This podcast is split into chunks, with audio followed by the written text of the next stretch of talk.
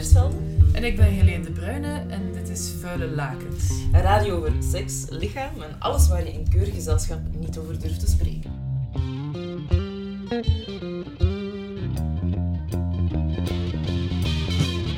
Toen we nadachten over onze eerste aflevering van deze podcast, vonden we dat we moesten beginnen met iets essentieels en iets tastbaars. Iets wat daar beneden zit. En omdat wij nu toevallig vrouw zijn, beginnen we bij de vrouwelijke kant van de zaak. De vagina. Ja, alleen zit ons voortplantingsorgaan nogal ja, weggestopt. Het doet van alles, het bezorgt ons plezier, er komt van alles uit, er gaat soms eens iets in. Maar echt goed zien doen we het eigenlijk nooit. Gelukkig is daar een eh, instrument voor bedacht om er een handje bij te helpen. Het speculum. En misschien is het handig om snel even uit te leggen wat het speculum precies is. Want toen we hier aan bezig waren, merkten we dat heel veel mensen helemaal niet wisten wat een speculum is. Dus verlicht ze. Beter bekend als de eendebek. Het medisch instrument bedoeld om in lichaamsopeningen te kijken. Dat kunnen je oor zijn, je mond of je neus. Maar wij willen het graag natuurlijk over het vaginaal speculum Ja. hebben. Iedereen kent het wel, of de meeste vrouwen kennen het wel als dat koude en vervelende ding dat de gynaecoloog in hen steekt om een vagina eens goed in te sperren, open te sperren. Pardon. En eh, zo krijgen ze een goed zicht op de cervix, oftewel de baarmoederhals. Maar hoe ziet dat er dan precies uit? Dat willen we zelf ook wel eens proberen. Dat dachten we zo. Tijd om een speculum te kopen. Maar, Helene, waar haal je zo'n ding? Dat was eigenlijk nog niet zo makkelijk. Ehm, in de onderbuik van het internet dachten we, want daar kan je alles vinden. Speculum. Waar kopen? Op beslis.be blijkbaar. Erotiek online bestellen. Speculum en erotiek kopen. Hm. Enorme equine vaginale speculum online kopen. wel echt niet op te klikken wat er dan uitkomt.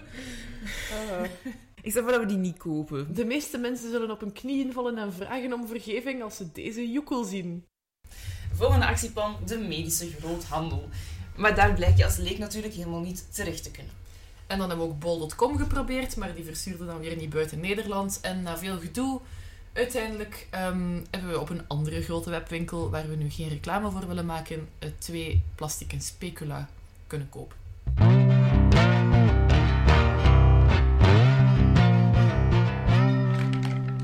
En wat zegt dat? Het is een plastieke eendebek. En je kan hem open en dicht doen.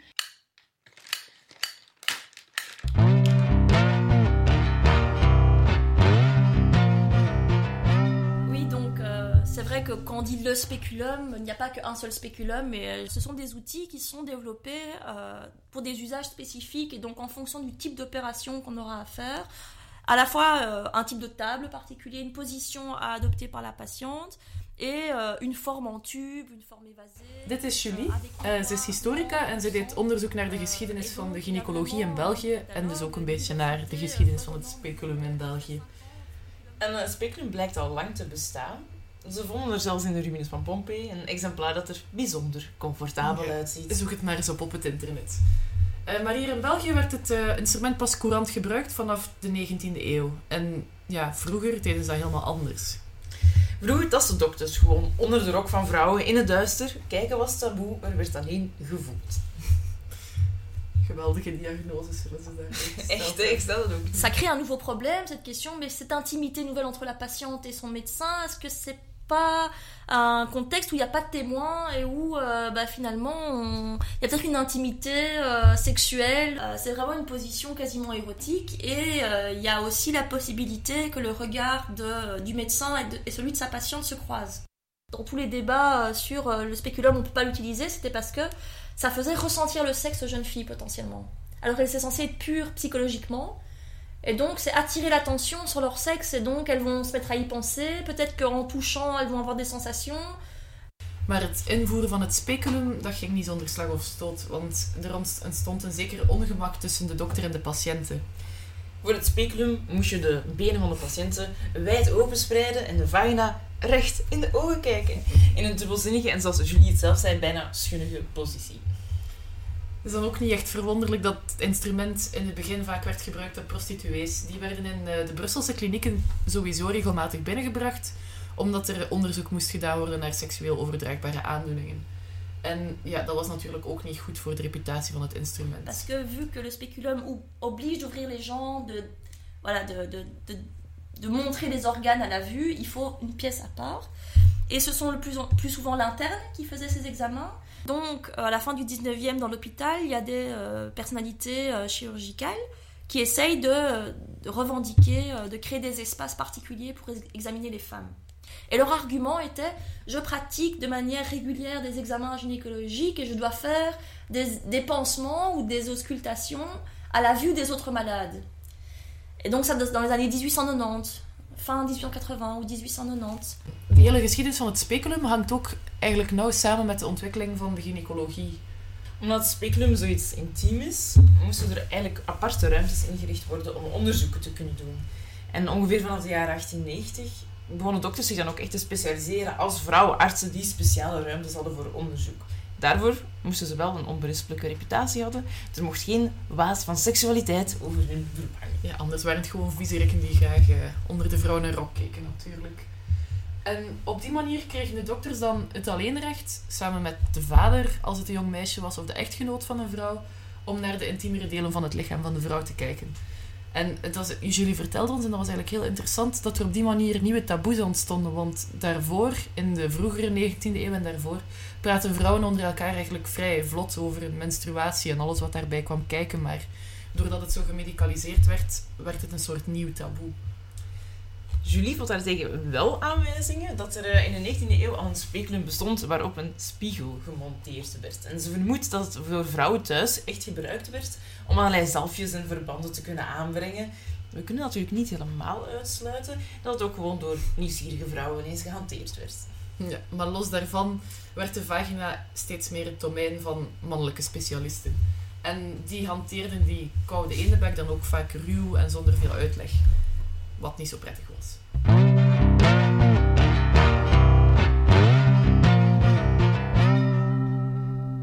Flash forward naar de tweede helft van de 20e eeuw.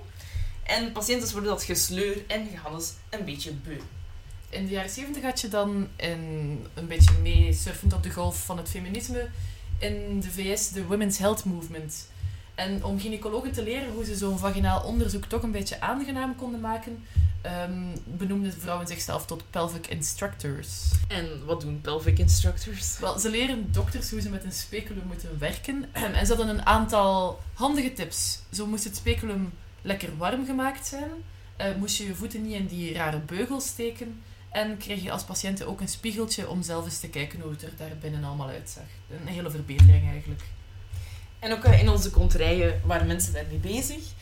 Eh, het Amsterdamse Vrouwenhuis bijvoorbeeld organiseerde in 1980 een congres over gynaecologie. Het resultaat daarvan was een dik zwartboek met allerlei kritiek op gynaecologische praktijken.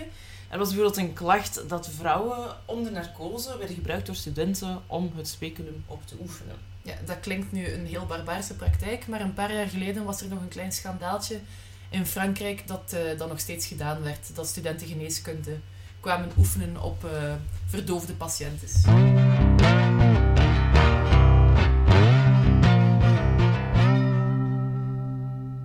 De vrouwen uit de Women's Health Movement wilden zelf ook wel eens zien hoe het daar beneden uitzag. Ik kan het ze niet kwalijk nemen. Ik ben zelf ondertussen ook al heel benieuwd. Ze hun eigen lichaam leren kennen, los van de blik van hun partner of van hun dokter. En de oplossing was heel eenvoudig. Meer dan een, een eigen speculum, meestal in plastiek, en een handspiegeltje en een zaklamp. En de handige vingers van een vriendin hadden ze eigenlijk niet nodig. Ook het moment om daarover te praten en over alles wat met lichaam, orgasme, anticonceptie, vrouwelijk genot te maken heeft. Ook interessant trouwens dat die zelfhulpgroepen blijkbaar een link hadden met abortus. Want voordat gelegaliseerd was, ehm, hielpen vrouwen elkaar om van ongewenste zwangerschappen af te raken. En om dat zo veilig, dat was illegaal natuurlijk, maar om dat toch zo veilig mogelijk te doen, is het wel handig dat je een beetje ziet waar je mee bezig bent. Maar ook toen was aan het speculum geraken blijkbaar niet zo heel eenvoudig. Eh, we hebben een citaat gevonden van een Brusselse groep van feministische expats die begin jaren 70 probeerden om via Amerikaanse collega's aan hun werktuigen te geraken. Maar daarvoor wel blijkbaar slimheidjes moesten bedenken om de douane te omzeilen. Wacht hoor, ik zoek het eventjes terug. Ja. Uh, I sent the speculums to you today. Hope they arrive quickly and in good shape. They are pretty fragile, we have found. On the customs declaration, I described the contents of the package as being specule, puntje, puntje, puntje, is. Which I hope they will think is speculoos, the Belgian and Dutch cookies. Handige feministes. Nu we eenmaal zelf die specula aangekregen hadden, waren we natuurlijk ook heel benieuwd om onze cervix van dichterbij te zien. Op het eh, wondere internet zijn gelukkig allerlei handleidingen te vinden, waardoor we dit hopelijk zonder ongelukken tot een goed einde gaan brengen. Want hoe breng je zo'n ding in en waar moet je nu precies naar kijken? Laten we even luisteren naar hoe het er bij ons aan toe ging. En wat zegt dat? Ik had verwacht dat hij groter ging zijn, moet ik zeggen. Ik ben niet zo bang als ik eerst was. Ik vind hem toch redelijk groot. We hebben ook een kleiner model. Dat zal wel gaan hiermee. Ik ga misschien met de kleine gaan. Ja, ik ben niet zo moedig als jij.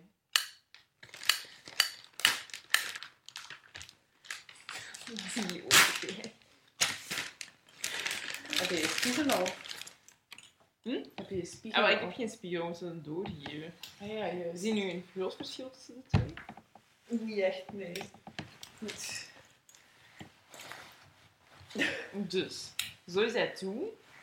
En als je Dan doe je hem open En dan draai je hem vast. en dan draai je hem vast om in Te... stand te houden. Maar je moet hem pas vastdraaien eens dat hij erin zit. Want hij moet er gesloten in en dan doe je hem open. Ik hoop dat hij er gesloten in Om eh, duidelijke redenen. Goed. Shit. De gaat er wel makkelijk in. Oeh, heb je een glijmiddel genomen? Ja, nee. Je maakt me enthousiast, moet ik zeggen, hoe hij eruit ziet op dit moment. Kan je de spiegel zeggen? Ja. Ah, dat is eigenlijk... Het voelt niet zo. Ook niet echt. Ja. Ik heb hem al. Heb je hem al? Mag ik ook eens kijken? Ik heb niet eens een lamp nodig. Oh, wauw. Nee, een lamp is helemaal niet nodig. Het is precies een klein diefje. Het is inderdaad wel precies een klein dier. Het lijkt ook een beetje op de eikel, weet je niet? Ja, eigenlijk wel alsof er een penis uit mijn vagina kan komen. Jij aan al- het menstrueren ben. Dit, dit ging makkelijk, zeg. Ja, ik had verwacht dat we zo 20 minuten gingen moeten liggen draaien en trekken voordat we hem vonden. Oké, jouw beurt.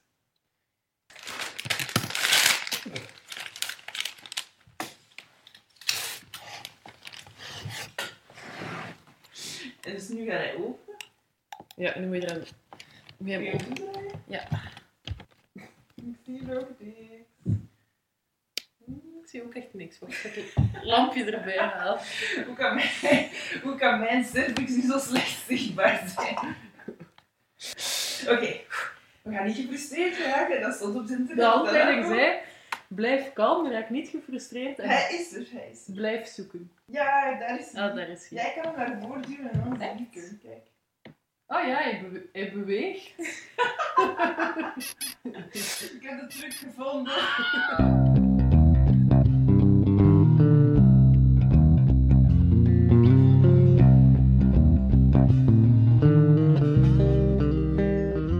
Hoe was het eigenlijk?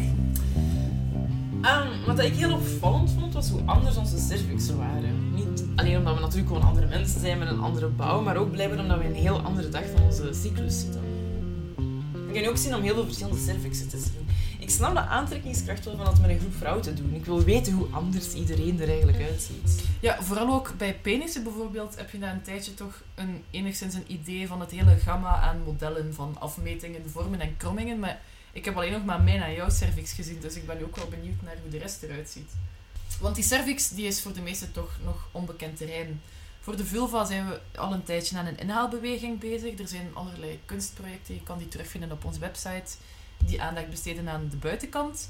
Maar zo'n cervix, ja, ik was toch een beetje verbaasd over hoe het eruit zag. Ik kan nu niet zeggen dat mijn leven waarlijk op zijn kop gezet is nadat ik mijn cervix gezien heb. Maar ik vind het wel vreemd dat ik hem nooit eerder gezien heb. En ik wil hem ook wel graag volgen door heel mijn cyclus. Ja, dat vond ik ook heel interessant en dat wist ik eigenlijk helemaal niet. Is dat de cervix iedere dag anders is. Hij verstopt zich een beetje, komt weer tevoorschijn, het kleine gaatje gaat open en dicht. En ook de vagina wordt langer en korter naar gelang het moment in de cyclus en naar gelang de opwinding. Lijkt me dan ook plots heel logisch hoe dat komt dat seks door in je cyclus zo anders kan voelen. Misschien is die kennis over mijn eigen lichaam toch wel een beetje empowerend. Alsof ik er meer een band mee heb dan voordien. Ik snap hoe het tegengift is voor vervreemding van je eigen lichaam. Ik heb alleszins zin in meer experimenten. Ja, ik ook en gelukkig hebben we nu de nodige materialen in onze badkamerkast liggen. Als je zelf ook benieuwd bent geworden om je cervix van dichtbij te zien, eh, kan je op het internet zoeken naar beautifulcervix.com, een project waarbij mensen een cervix elke dag fotograferen. Of als je die van jezelf wil zien, koop je gewoon ergens op het internet een plastieke eh, speculum en ga je ermee aan de slag, zoals wij hebben gedaan. Zo, dit was Vuile Lakens. Dankjewel voor het luisteren. Ehm, onze opnameapparatuur is niet zo professioneel, maar we hopen daar binnenkort verandering aan te brengen. Ehm, onze volgende aflevering, misschien kun je daar ook nog iets over Dat zeggen. lijkt me een goed idee. Die gaat over De vrouwelijke. erectie, want ook wij hebben erecties. Blijf luisteren dus. Dankjewel.